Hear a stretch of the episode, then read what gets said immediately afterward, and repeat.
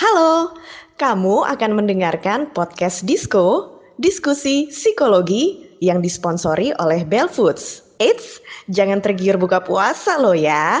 Podcast ini direkam sebelum puasa. Mana ketika kita menghadapi satu pekerjaan ini kita taruh di di kotak yang mana nih ya gitu. Kotak penting mendesak kotak penting tapi tidak mendesak kotak tidak penting tapi mendesak atau kotak tidak penting dan tidak mendesak. Nah ini kita harus taruh dulu di mana sehingga kita bisa tahu mana yang harus kita prioritaskan terlebih dahulu. Disko, diskusi psikologi. Halo Warriors, selamat datang kembali di podcast Disco, diskusi psikologi persembahan Into the Light Indonesia, hapus stigma, peduli sesama, sayangi jiwa. Apa kabarnya nih Warriors? Dan Bizar? Cek cek halo, halo. Masih bareng gue dan Ines guys. Iya, Ines and Bizar in the house, yo. Nggak Nggak gitu ya. nggak gitu. Eh, kenapa sih kau sih nyamain-nyamain? Hah? Kaosnya Ya kita kok gimana? sama? Kan emang takdir sudah Gue gak bisa gombal-gombal. Karena episode ini adalah spesial, ada Yoi. Ines dan Bizar dan kita di episode kali ini dipersembahkan oleh Bell Bell Foods. Yes. Jangan lupa selalu untuk jaga kesehatan di tengah pandemi, Hmm? jaga Pastinya. kesehatan eh, fisik dan jiwa kita. Dan mental juga Mm-mm. Kita di podcast kali ini ngebahas tentang tentang apa Hmm. Jar? Tentang manajemen waktu bagi keluarga sibuk Karena gue kepikiran kayak ini orang yang sibuk dia punya manajemen waktu yang baik atau dia sebenarnya nggak punya manajemen waktu sampai dia akhirnya sibuk banget gitu. Iya, sibuk sendiri, keteteran Iya, sendiri iya. gitu kan. Nah, itu eh, untuk tahu lebih jelasnya tentang hal ini ya, tentang manajemen waktu, kita bakal bahas nih dengan narasumber yang kompeten ya. Daripada kita ngejawab Yoi, sendiri dan malah salah, ngalor ngidul. Iya kan, jadi ngejudge juga mendingan kita bahas bareng-bareng aja Ya, deh. seperti yang tadi udah gue bilang di awal, pas banget di episode disco kali ini kita bakal membahas tentang perlunya skill manajemen waktu di keluarga super sibuk. Dan pastinya episode kali ini dipersembahkan oleh Bell, Bell Foods. Foods. Dan di sini kita udah kedatangan sama seorang psikolog yang bakal membantu kita. Ada Mbak Auli Grashinta, seorang psikolog dan juga seorang dosen psikologi di Universitas Pancasila. Halo Mbak Auli, apa kabar? halo selamat sore Apa kabar Mbak Auli? alhamdulillah baik Alhamdulillah. Sehat ya Mbak Auli. ya, semoga kita semua selalu sehat ya di era Iya. pandemi Amin, ini amin, amin, amin. Nah, selain Mbak Auli kita juga sudah kedatangan narasumber yang lain yaitu seorang blogger content writer dari komunitas ibu-ibu doyan nulis yaitu Mbak Alfa Kurnia. Halo Mbak Alfa, apa kabar? Mainnya sama Kak Bijar, Halo. Alhamdulillah baik. Halo Iya. Mbak Uli. halo Wah, senang nih kita Rame udah ya? kedatangan dua orang narasumber yang Bener. meramaikan podcast kita kali ini. Dan sesuai dengan pembicaraan kita tadi di awal ya tentang manajemen waktu ke Kak Auli nih. Kak Auli sebenarnya apa sih indikator seseorang punya mana- manajemen waktu yang baik? Dia bisa memanage waktunya.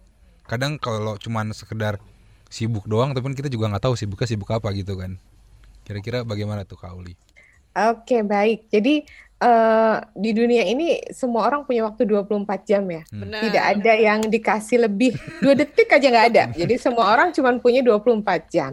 Tapi kenapa ya ada satu orang itu yang bisa produktif, bisa punya banyak hal, sementara ada satu orang lagi yang dari pagi sampai pagi lagi ya ya cuman itu-itu aja yang dia kerjain gitu ya. Jadi itu memang kuncinya di manajemen waktu.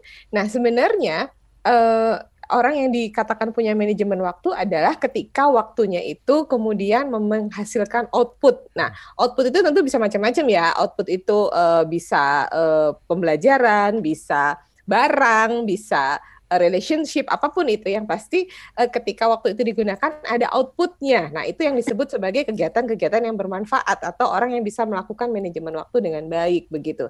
Nah, sebenarnya tubuh kita itu sudah punya manajemen waktunya sendiri. Tadi ya semua orang itu di, dikasih waktu 24 jam, begitu tidak ada yang dikasih lebih ya. Tapi ada satu orang yang bisa sehari mungkin di Indonesia tuh bisa ke beberapa beberapa apa provinsi sekaligus Wah. begitu. ada yang dari pagi sampai malam ya di tempat tidur aja rebahan gitu termasuk kaum kaum rebahan gitu Kaum mungkin ya. senderan, kaum Iya, rebahan. kaum- nah, eh, disebut baik adalah ketika kita itu juga eh, sesuai dengan eh, kebutuhan tubuh dari kita. Misalnya kita perlu waktu untuk istirahat, kita perlu waktu untuk olahraga, eh, untuk olahraga, kita perlu waktu untuk bekerja, kita perlu waktu untuk eh, menjalin hubungan dengan orang lain. Nah, eh, semua hal ini seharusnya cukup untuk dilakukan dalam waktu 24 jam ketika kita bisa meletakkan sesuatu pada tempatnya dengan benar seperti itu. Iya, kita sadar nih ya kalau waktu yang kita punya seluruh umat manusia ini Hmm. sama 24 jam. Ada orang yang bisa menggunakan waktunya untuk menghasilkan sesuatu dan kalau kita ini termasuk orang yang punya banyak kesibukan gitu ya. Ada pekerjaan, kita mau melakukan hobi kita Hmm, juga, benar. menyediakan waktu buat teman, Keluarga. buat keluarga. Itu gimana Mbak cara Ya. membagi waktunya? Iya, jadi eh, prioritas itu sebenarnya kan ada empat ya, ada empat. Mm-mm. Yang pertama penting dan mendesak. Mm, Nah, wah itu Yang dia tuh. kedua adalah penting tapi tidak mendesak. Nah, Mm, yang ketiga tidak penting tapi mendesak mhm. gitu. Dan yang ke- keempat udah nggak penting nggak mendesak gitu. Iya. Nah, ini ini yang perlu begitu. Ini yang perlu di mana kita kemudian memilah-milah mana sih yang penting dan mendesak. Apakah eh, main game atau chatting sama seseorang, buka IG-nya orang, kepoin IG-nya itu termasuk penting dan mendesak nggak ya? Nah itu itu yang perlu belajar untuk tahu. Nah, eh, yang mana yang penting dan mendesak, yang mana yang termasuk kriteria penting tapi sebenarnya nggak mendesak banget, masih bisa ditunda gitu. Atau sebenarnya dia nggak penting tapi kalau nggak dikerjain sekarang akan jadi masalah begitu. Atau ini bukan hal yang penting dan bukan hal yang mendesak. Nah, itu sering kali eh, kemampuan melakukan prioritas inilah sebenarnya menjadi kunci begitu. Dan itu sebenarnya tidak bisa kita hadapi pada saat ini saja. Ini merupakan sebuah pola, sebuah kebiasaan yang sudah kita bangun sejak kita kecil sebenarnya. Nah, mana ketika kita menghadapi satu pekerjaan ini kita taruh di di kotak yang mana nih ya gitu. Kotak penting mendesak, kotak penting tapi tidak mendesak, kotak eh, tidak penting tapi mendesak, atau kotak eh, tidak penting dan tidak mendesak. Nah, ini kita harus taruh dulu di mana sehingga kita bisa tahu mana yang harus kita prioritaskan terlebih dahulu. Misalnya hobi, Oh. apakah hobi itu penting dan mendesak? Nah, Hmm. itu Nah, dia ya. Pekerjaan, apakah pekerjaan itu penting eh, dan mendesak atau penting sih, tapi nggak mendesak Ah, juga iya. begitu. Tapi kalau anak kita sakit, Mhm. wah itu pasti sudah penting dan mendesak banget itu. Jadi Mhm. eh, prioritas-prioritas seperti itulah yang harus kita eh, latih gitu ya Hmm. dari awal begitu. Menarik banget ya cara Wah, untuk kadang- menyusun skala prioritas ya. Iya, orang kadang-kadang ada loh yang kebalik-balik dalam menyusun skala prioritas. Uh, penting dan mendesak adalah nongkrong. gitu kan ya Iya, bisa iya, aja iya. gitu ke ketuker polanya. Iya. Nah tapi eh Kak Oli, ada orang yang bisa disebut sebagai workaholic, orang yang gila kerja, kerja seharian Wah, lebih dipentingkan dari dong. apa pun. Gue dong. Enggak, ta- Enggak. tapi yang kan biasanya kerja kan 9 to 5. Heeh. Ini kayak 9 to 9 gitu. Panjang gitu ya jam Panjang kerjanya dan ya. apa ya? Ya istilahnya fokus ke pekerjaannya. Apakah ada yang salah dengan orang ini atau Iya. apa dia mungkin sudah menganggap itu sebagai uh, kesehariannya dia? Mm-mm. Dan hal yang kayak gitu bisa berpengaruh nggak sih sama Iya. kesehatan mental? Ya, itu balik lagi ya tadi eh, jangan-jangan eh, kerja itu jadi hobi. Hmm. Nah, kalau kerja jadi hobi maka eh, apa namanya dia masukkan pada kolom hobi yang sebenarnya tidak penting tidak mendesak dia kerjain juga begitu. Hmm. Jadi eh, sebenarnya itu semua apakah dia workaholic atau bahkan kebalikannya namanya prokrastinator begitu. ya. Hmm. Jadi menunda-nunda supaya nggak dikerjain itu juga ada Itu gitu. saya. Kebalikan dari workaholic gitu ya. Jadi Heeh. tar aja tar aja gitu itu itu prokrastinator sama sebenarnya tergantung dari goalsnya apa Hmm. sih sebenarnya eh, tujuan atau makna hidup dari orang ini begitu nah eh, biasanya semakin semakin kita memiliki banyak peran semakin kita memiliki banyak tanggung jawab maka kita harus semakin eh, pandai dalam membagi-bagi ini begitu gitu. Jadi 8 jam buat istirahat, 8 jam buat bekerja, 8 jam lagi hal-hal yang rekreatif yang menyenangkan buat diri kita gitu ya. Betul termasuk makan termasuk ya transportasi kita harus berjalan menuju kantor dan Hmm. sebagainya mandi berdandan cari baju dan sebagainya itu ada di 8 jam selanjutnya gitu Itu enggak itu kalau buat cewek kurang nggak tuh kira-kira? Oh, perlu ditambah buat belanja online gitu kan, buat eh, nyoba-nyoba lipstick Aduh, misalnya. tambahannya. hati-hati dengan kesehatan mental eh, dompet Anda kalau itu. Kesehatan finansial perlu diperhatikan Betul. itu ya. Nah, eh, Kak Alfa, selama ini emang gimana sih cara memanage waktu kalau emang lagi sibuk-sibuknya khususnya dengan keluarga ya? Mm-mm. Itu gimana tuh Mbak kira-kira? Apakah ada yang ditinggal dulu pekerjaannya atau ya selama ini fine-fine aja atau punya trik-trik sendiri gitu? Iya, buat memanajemen waktu. Mm. Eh, eh, biasanya sih saya suka bikin to-do list gitu ya, Kak. Jadi apa aja kerjaan yang harus diselesaikan hari ini. Terus juga dibikin skala prioritas. Kalau jadi kalau misalnya lagi banyak kerjaan nulis gitu, saya akan bikin uh, alokasi waktu lebih banyak untuk nulis gitu. Dan uh, kecuali kalau yang nggak bisa didelegasikan tuh kan antar jemput anak sekolah Hmm. gitu. Tapi kalau misalnya kerjaan rumah yang lain tuh bisa ditunda atau didelegasikan gitu. Mhm. Tapi kadang-kadang ada nggak sih kendala gitu, sulit nih buat ngatur waktu. Nah, kalau lagi emang bener-bener kesulitan buat mengatur waktu itu gimana? Nah itu sebenarnya juga kesulitan saya sejak masa pandemi ini, apalagi anak kan di rumah. Hmm. Kalau sebelum masa pandemi kan saya eh, alokasikan waktu kerja waktu mereka di sekolah atau les gitu. Di rumah ini kalau sejam mereka di rumah berarti kan saya eh, ada waktu yang waktu harus nemenin mereka sekolah online, bantuin apa tuh bikin tugas, itu kan takes time. Nah, itu yang akhirnya bikin saya mau nggak mau kalau misalnya kerja ya ya nggak bisa strict sama to do list atau apa tuh manajemen waktu. Jadi ya udah sesempatnya aja. Jadi kalau misalnya sambil nemenin mereka sekolah, sekolah, saya juga sambil nulis dikit-dikit atau Hmm. meeting sama klien gitu-gitu. Wah, Jadi, mantap. nah, Fleksibilitas waktu juga penting ya meskipun Iya. kita punya kesibukan. jadi multitasking sangat diandalkan. Multitasking dan juga produktif nih harusnya ya. iya, iya, iya. Karena memang ker- eh, kerjaan ngurus rumah, terus urusan kantor gitu ya, sekaligus ada kesempatan waktu buat dipakai nulis, ngisi Hmm. blog gitu ya. Kalau skala pri- prioritas sendiri gimana nih Cara yang ya? disusun Iya. ya? Heeh.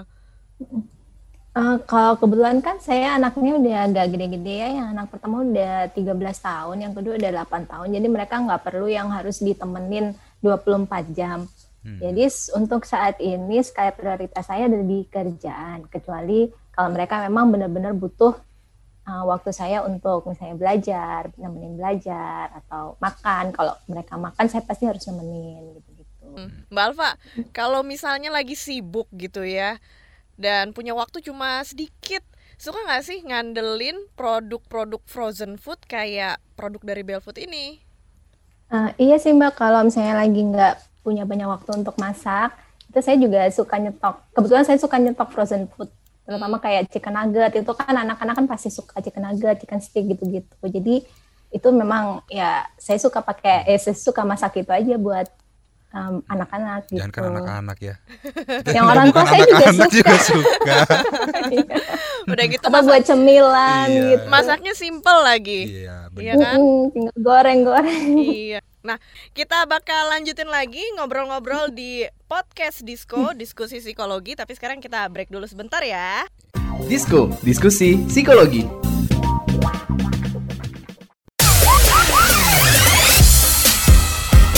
Ini semua demi puber Puzzle berlian Beli Belfood sebanyak-banyaknya Temukan puzzle di dalam kemasan Lengkapi tiga puzzlenya Dan dapetin hadiah tiga cincin berlian Masing-masing satu karat. Hadiah 100 emas untuk 100 orang 10.000 giga kuota internet. Kirimkan kode uniknya ke nomor yang tercantum di puzzle. Demi puber Ayo beli sekarang Disko, diskusi psikologi. Wah, asik banget nih. Banyak makanan Makan enak. dong duluan, palain dong, palain. Silakan. Gua agak malu-malu biasa, Ih, iya kan. Ini sekarang ada nugget dari Belfood yang nemenin kita siaran. Makan duluan dong. Nes, makan duluan. Beneran nih ya? Iya, gua habis kalau gue makan langsung habis nih. Soalnya ini dari aromanya aja udah kecium Parah, wangi nih. banget. Nugget dari Belfood ini lucu-lucu banget Itu bentuknya. lu ngambil yang mana? Ini namanya nugget ayam ceria. Makanya pas ngelihat nugget ini bentuknya lucu-lucu kita jadi ceria kan. Hmm. Nih, nugget ayam tapi bentuknya ada yang bintang, ada bentuknya ikan, ada bentuknya apa nih? Bebek kayaknya ya. Wah, gue mau nyobain nih satu nih, nugget ayam ceria. Hmm, gimana tuh rasanya? Eh, crunchy loh kulitnya, luarnya tuh crunchy dan hmm, rasa ayamnya itu berasa banget. Hmm, udah lu gantian kebanyakan ngomong. Gue pengen makan. Hmm, Ini gue lagi ngambil yang nugget cheesy bites. Nugget ayam yang isinya keju. Wah, Cobain kali ya. kayaknya ngehits nih kalau yang serba keju. Hmm, hmm, ayo lo. Gimana rasanya? Ke- Kejunya berasa.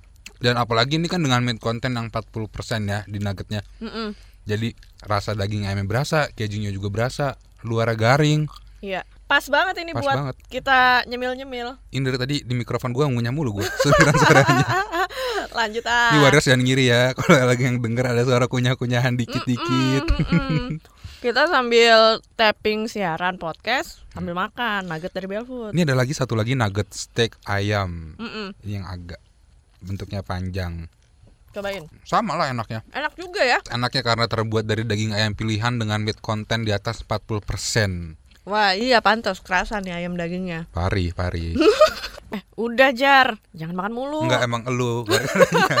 Kita lanjut lagi kali ya dari break ini ya. Iya, lanjut lagi kita ya ke siaran podcast Disco. Sekarang kita mau bacain dulu nih. Yoi, udah ada pertanyaan yang dikirim dari pendengar melalui Yang- Instagram maupun Twitter. Wah, ada siapa aja Zar yang udah Yang Bertanya. pertama dari Rosi Nourza dari Bogor. Dear kb, at kbr.id, at belfoods.id, at into the light Indonesia. Saya ingin bertanya sebagai seorang ibu, saya bingung menentukan prioritas yang mana yang harus didalu- didahulukan dalam pembagian waktu setiap harinya. Apakah harus saklek setiap harinya harus sama?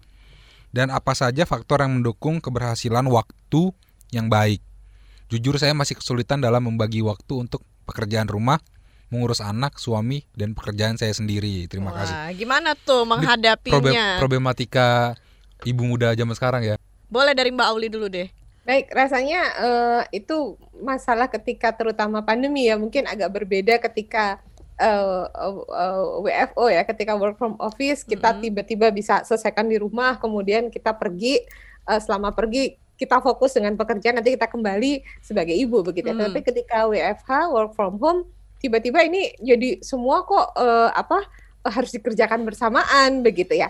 Nah, memang tadi eh, bahwa memang ada nih saat-saat di mana kita harus meluangkan waktu lebih banyak begitu ya, me- membagi diri, memecah diri ini menjadi lebih lebih banyak begitu. Iya. Nah, memang yang paling paling mungkin untuk dikurangi itu adalah eh, waktu tidur tadi ya, waktu Hmm. tidur dan waktu eh, apa namanya istirahat tadi itu mungkin Hmm. menjadi eh, semakin eh, apa sedikit. Nah, apa sih yang bisa dilakukan? Yang bisa dilakukan biasanya adalah jangan dibebankan, eh, jangan merasa terbebani sendiri begitu ya. Kita diskusikan dalam keluarga. Itu yang sebenarnya bisa dilakukan. Kita buka eh, diskusi begitu, kita buka sebenarnya activity itu apa saja di dalam rumah. Ibu perlu apa, anak perlu apa, ayah perlu apa. Itu bisa kita buka sama-sama, kita jembrang kalau perlu pakai karton gitu, kita tulis sama-sama. Oh iya iya kita Gitu ya. kita itu masyarakat yang tidak biasa untuk memvisualisasi. Hmm. Padahal memvisualisasi itu memudahkan cara berpikir kita. Oh, Kita tuh gitu. suka ruwet sendiri Iya, ya kan, ruwet mikir ini. Coba padahal kalau divisualisasi ditulis, ah Mm-mm. cuman gitu doang. Dicatat ya itu gitu. penting tuh. Di- Ditulis ya, ditulis divisualisasikan. Hmm. Nah, misalnya ayah jam segini harus ini, ibu jam segini harus ini. Eh, yang perlu kita lakukan adalah nyapu, ngepel, eh, apa cuci piring, mungkin harus laundry, kita mungkin harus apa harus apa. Itu kita jembrangkan semua eh, seluruh anggota keluarga itu eh, kebutuhannya Hmm. apa. Nah, kemudian dari situ baru kita bisa membagi-bagi. Oke ya, yang Hmm. ini kerjaan ayah ya, yang ini kerjaan ibu ya, Mhm. yang ini ada jam segini sampai jam segini ibu nggak bisa diganggu ya. Yang itu sebenarnya bisa kita lakukan, tapi memang kita tidak terbiasa Hmm. begitu. Tapi eh, kenapa kita tidak memulai kebiasaan baru begitu? Mhm. Dan memang ketika WFH itu sangat perlu eh, corner-corner ya. Ini sering juga saya sampaikan, kita tuh perlu corner-corner. Jadi kalau di sana itu cornernya ibu gitu. Apalagi kalau ibunya bekerja ya. Itu corner ibu. Jangan di eh, apa pegang-pegang begitu. Dan jam segini sampai jam segini ibu akan di situ, tetapi tolong jangan diganggu. Sementara ayah juga begitu. Ayah punya corner. Tapi ketika pembagian ini bersama-sama begitu ya, ketika pembagian ini dilakukan bersama-sama, didiskusikan bersama-sama, semua akan menjadi lebih mudah, lebih ringan. Tapi kalau ibu merasa bahwa kok semua saya, saya harus ini, saya harus ini, tidak ada kerjaannya aja udah berat gitu. Iya, udah tertekan dulu sebagai Sudah seorang ibu tertekan ya. dulu, betul, sudah tertekan dulu bahwa eh, tanggung jawab ini tanggung jawab sama-sama. Kemudian prioritas tadi, kalau memang semua orang harus sibuk di pagi hari, semua orang punya kesibukan, nggak nyapu juga nggak apa-apa kok kan begitu Hmm. Nggak cuci piring juga eh, penting mendesak nggak sih cuci piring Iya. balik lagi itu tadi ya penting mendesak nggak apa? Iya nggak enak dilihat mata. Nggak enak dilihat mata. Tapi kan kita bisa lakukan itu itu bukan hal yang penting dan bukan hal yang mendesak kan. Hmm. begitu. Yang men- penting dan mendesak apa? Saya harus ketemu klien saya gitu. Saya anak-anak harus sekolah. Itu penting dan mendesak. Jadi Iya. eh, prioritas itu tadi main di prioritas tadi. Mana dari keempat kotak ini mau ditaruh di mana gitu. Wah, balik lagi ke skala Iya, prioritas. Iya betul. Dan ada yang memang ada value-nya yang pokoknya kalau pagi harus disapu Wah, ya iya. itu kan membebani diri sendiri gitu memang begitu jadi ya tadi kita kita mainin di skala prioritasnya gitu. Iya. Nah, kalau Mbak Alfa sendiri gimana Iya, kan punya- situasinya mm. juga sebagai pekerja, mengurus anak, mengurus suami dan juga ada urusan rumah tangga. Punya pengalaman yang seperti itu juga nggak sih kak? Nah, iya sih saya sempat tersentil dengan apa eh, kata Mbak Ul Mbak Uli itu yang kalau pagi itu harus bersih-bersih. Nah, itu saya banget. Jadi kalau pagi belum selesai nyuci piring, belum selesai bersih-bersih rumah itu rasanya malah nggak tenang gitu. Cuma setelah setelah apa dengar kata Mbak Uli gini, ya tapi itu akhirnya jadinya begitu selesai bersih-bersih ngurusin ini itu, terus capek sendiri gitu kan, bulan masih harus nemenin anak-anak sekolah, terus masuk masih harus nulis, masih harus ketemu klien kadang-kadang gitu tuh. Jadi kayaknya saran dari Mbak Auli itu ya bakal saya terapkan Hmm. mungkin ya. Iya, membuat skala prioritas ya. Betul betul. Jadi biar nggak stres sendiri, nggak capek sendiri. Eh, Soalnya kalau udah capek, akhirnya anak-anak anak-anak yang jadi sasaran kan yang jadi gampang marah, jadi Hmm. gampang, betul. jadi Iya. males mau mau masak malas. dan memang eh, kondisi ini kan kondisi yang baru ya buat kita semua begitu ya Hmm. kondisi pandemi ini ya memang tadi bahwa value ya eh, seorang tua saya juga value-nya begitu pagi itu harus disapu dan sebagainya ya itu ketika era normal begitu ketika eh, karena kita harus selesai setelah itu kita harus pergi kan begitu Mm-mm. Mm. Nah, sekarang kan itu harus kita ubah begitu. Nah, fleksibilitas, adaptif ini yang penting gitu agar tadi tidak stres sendiri begitu. Karena kalau value itu tetap ada di kita dan kita melanggar value itu, kita sendiri akan stres gitu. Mhm. Padahal sebenarnya tidak ada yang menuntut kan apakah anak-anak menuntut bahwa lantainya harus bersih ya, Mang? Kan tidak. itu memang mamahnya Kepuasan- aja ya. kepuasan ya. betul. Nah, betul. Berikutnya kita juga ada kedua. pertanyaan dari Sawalia di Tangerang Alam Sutra. Saya ibu rumah tangga dan suami itu kerja dengan sistem shifting. Gimana ya caranya supaya bisa melakukan quality time di waktu yang tepat? Apakah pillow talk bersama pasangan itu bisa disebut quality time? Terima kasih at Bellfoods ID, at kbr.id, at Into the Light ID. Semoga berkenan menjawab. Gimana Mbak Auli boleh dikasih tanggapannya? Hmm. Iya, quality time itu jangan ditunggu. Quality time itu diciptakan. Wah bener banget. Mm. Iya, karena kalau quality time ditunggu nggak nyampe-nyampe, nggak dapet-dapet begitu. Ya, suaminya datang capek gitu ya. Eh eh, kitanya seger. Ketika kitanya capek, suaminya seger. Kapan ketemunya begitu? Karena itu Iya. harus diciptakan, betul. Harus diciptakan. Bahkan kalau perlu bagi bagi eh, apa eh, pasangan, mungkin suami istri dating aja gitu. Oke, kita nanti ngedate ya hari ini jam Hmm. segini. Gitu. Ih, asik. Gimana? Di, di, di meja makan aja, tapi kita ngedate. Gitu Dinner Iya. dinner. nggak apa-apa Dinner dinner, ya. aja gitu iya jadi eh, sering kali itu kapan ya saya bisa ngomong sama suami saya ya diciptakan dulu kan bisa janjian waktu pacaran Mm-mm. kenapa sekarang nggak bisa janjian waktu serumah begitu jadi Iya, jadi Nah. intinya itu harus diciptakan Memang ya harus waktu Harus diciptakan. bersama anak, Bukan- bersama pasangan. Bukan ditunggu umpan lambungnya ya. Oke. Nah ini pertanyaan ketiga ada siapa dari dari siapa nih Nes? Dari Ed Tanishafor. Bagaimana ya caranya agar bisa manajemen energi dan waktu supaya bisa bercengkrama dengan orang tua. Kadang saya bingung ketika pulang kerja udah capek dan kalau weekend bawaannya mau istirahat aja. Rasanya pengen hangout tapi udah nggak ada energi karena udah tersedot selama lima hari bekerja. Nah itu dia pertanyaannya. Gimana Mbak Uli? Iya tadi balik lagi ya Iya. mana yang penting dan mendesak Iya. tadi begitu bahwa eh, eh, memang pada saat ini begitu ya eh, terutama kalau kita hidup di Jakarta ya waktu itu memang banyak tersita di jalan banyak tersita di eh, tempat kerja begitu tetapi eh, sebenarnya eh, apa quality time itu tadi bisa kok kita kerjakan begitu. Uh, asal kita niat gitu. Asal kita memang uh, sungguh-sungguh untuk menjadwalkan begitu. Uh, Stephen Covey mungkin tahu bukunya Stephen Covey, mm-hmm. Stephen Habit itu mm-hmm. dia itu menjadwalkan misalnya dalam satu minggu saya harus keluar sama anak saya nomor satu itu satu kali. Dia boleh minta apa saja, dia boleh uh, pacaran sama saya lah gitu satu ini. Uh, untuk minggu besoknya anak yang kedua itu harus di dijadwal begitu. Itu harus di di di uh, apa dirancang begitu. Ketika rancangannya ini berjalan dengan baik, maka uh, bisa menjadi sebuah kebiasaan begitu. Begitu juga dengan orang tua uh, kapan mau ketemu orang tua? Oh, quality time sama orang tua udah di weekend. Oke, okay, kalau gitu di weekend jam berapa kita harus sediakan waktu untuk orang tua. Saya capek. Nah, itu itu ke keinginan, itu bukan ke kepentingan begitu. Nah, kalau inginnya mah kalau bisa mah tiap hari rebahan begitu, tapi kan nggak mungkin itu kita lakukan. Maka kalau memang waktu yang paling tepat adalah di weekend, ya kita harus usahakan, kita harus uh, apa set waktu untuk bisa untuk orang tua begitu. Misalnya oke, okay, dari pagi sampai jam 12 saya untuk orang tua ngantar ke pasar ya. Uh, nemenin mama masak.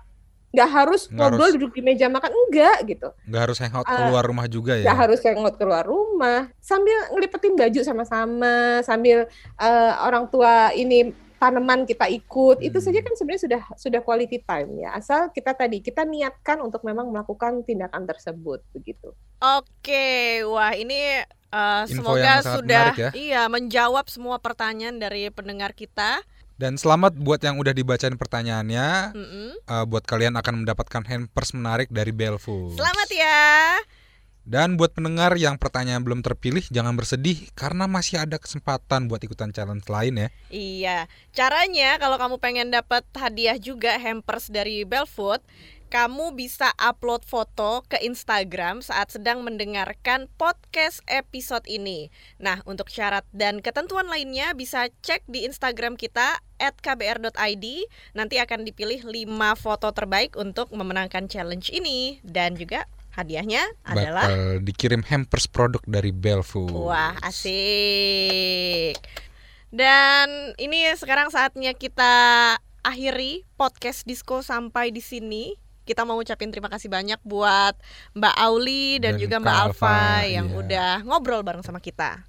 Sama-sama. Sama-sama. Iya, terima kasih banyak. Semoga semua informasinya bisa berguna untuk warriors di luar sana. Amin. Amin. Dengan mendengarkan podcast ini, semoga kita semua bisa membantu menghapus stigma di masyarakat, lebih peduli terhadap orang-orang di lingkungan sekitar dan tentunya jangan lupa untuk selalu menyayangi jiwa, jiwa sendiri. sendiri. Sampai ketemu lagi di podcast episode selanjutnya. Dengarkan terus di kbrprime.id. Gue Ines. Gue Bijar. Pamit undur diri dulu. Dah. Bye. Disko, diskusi psikologi.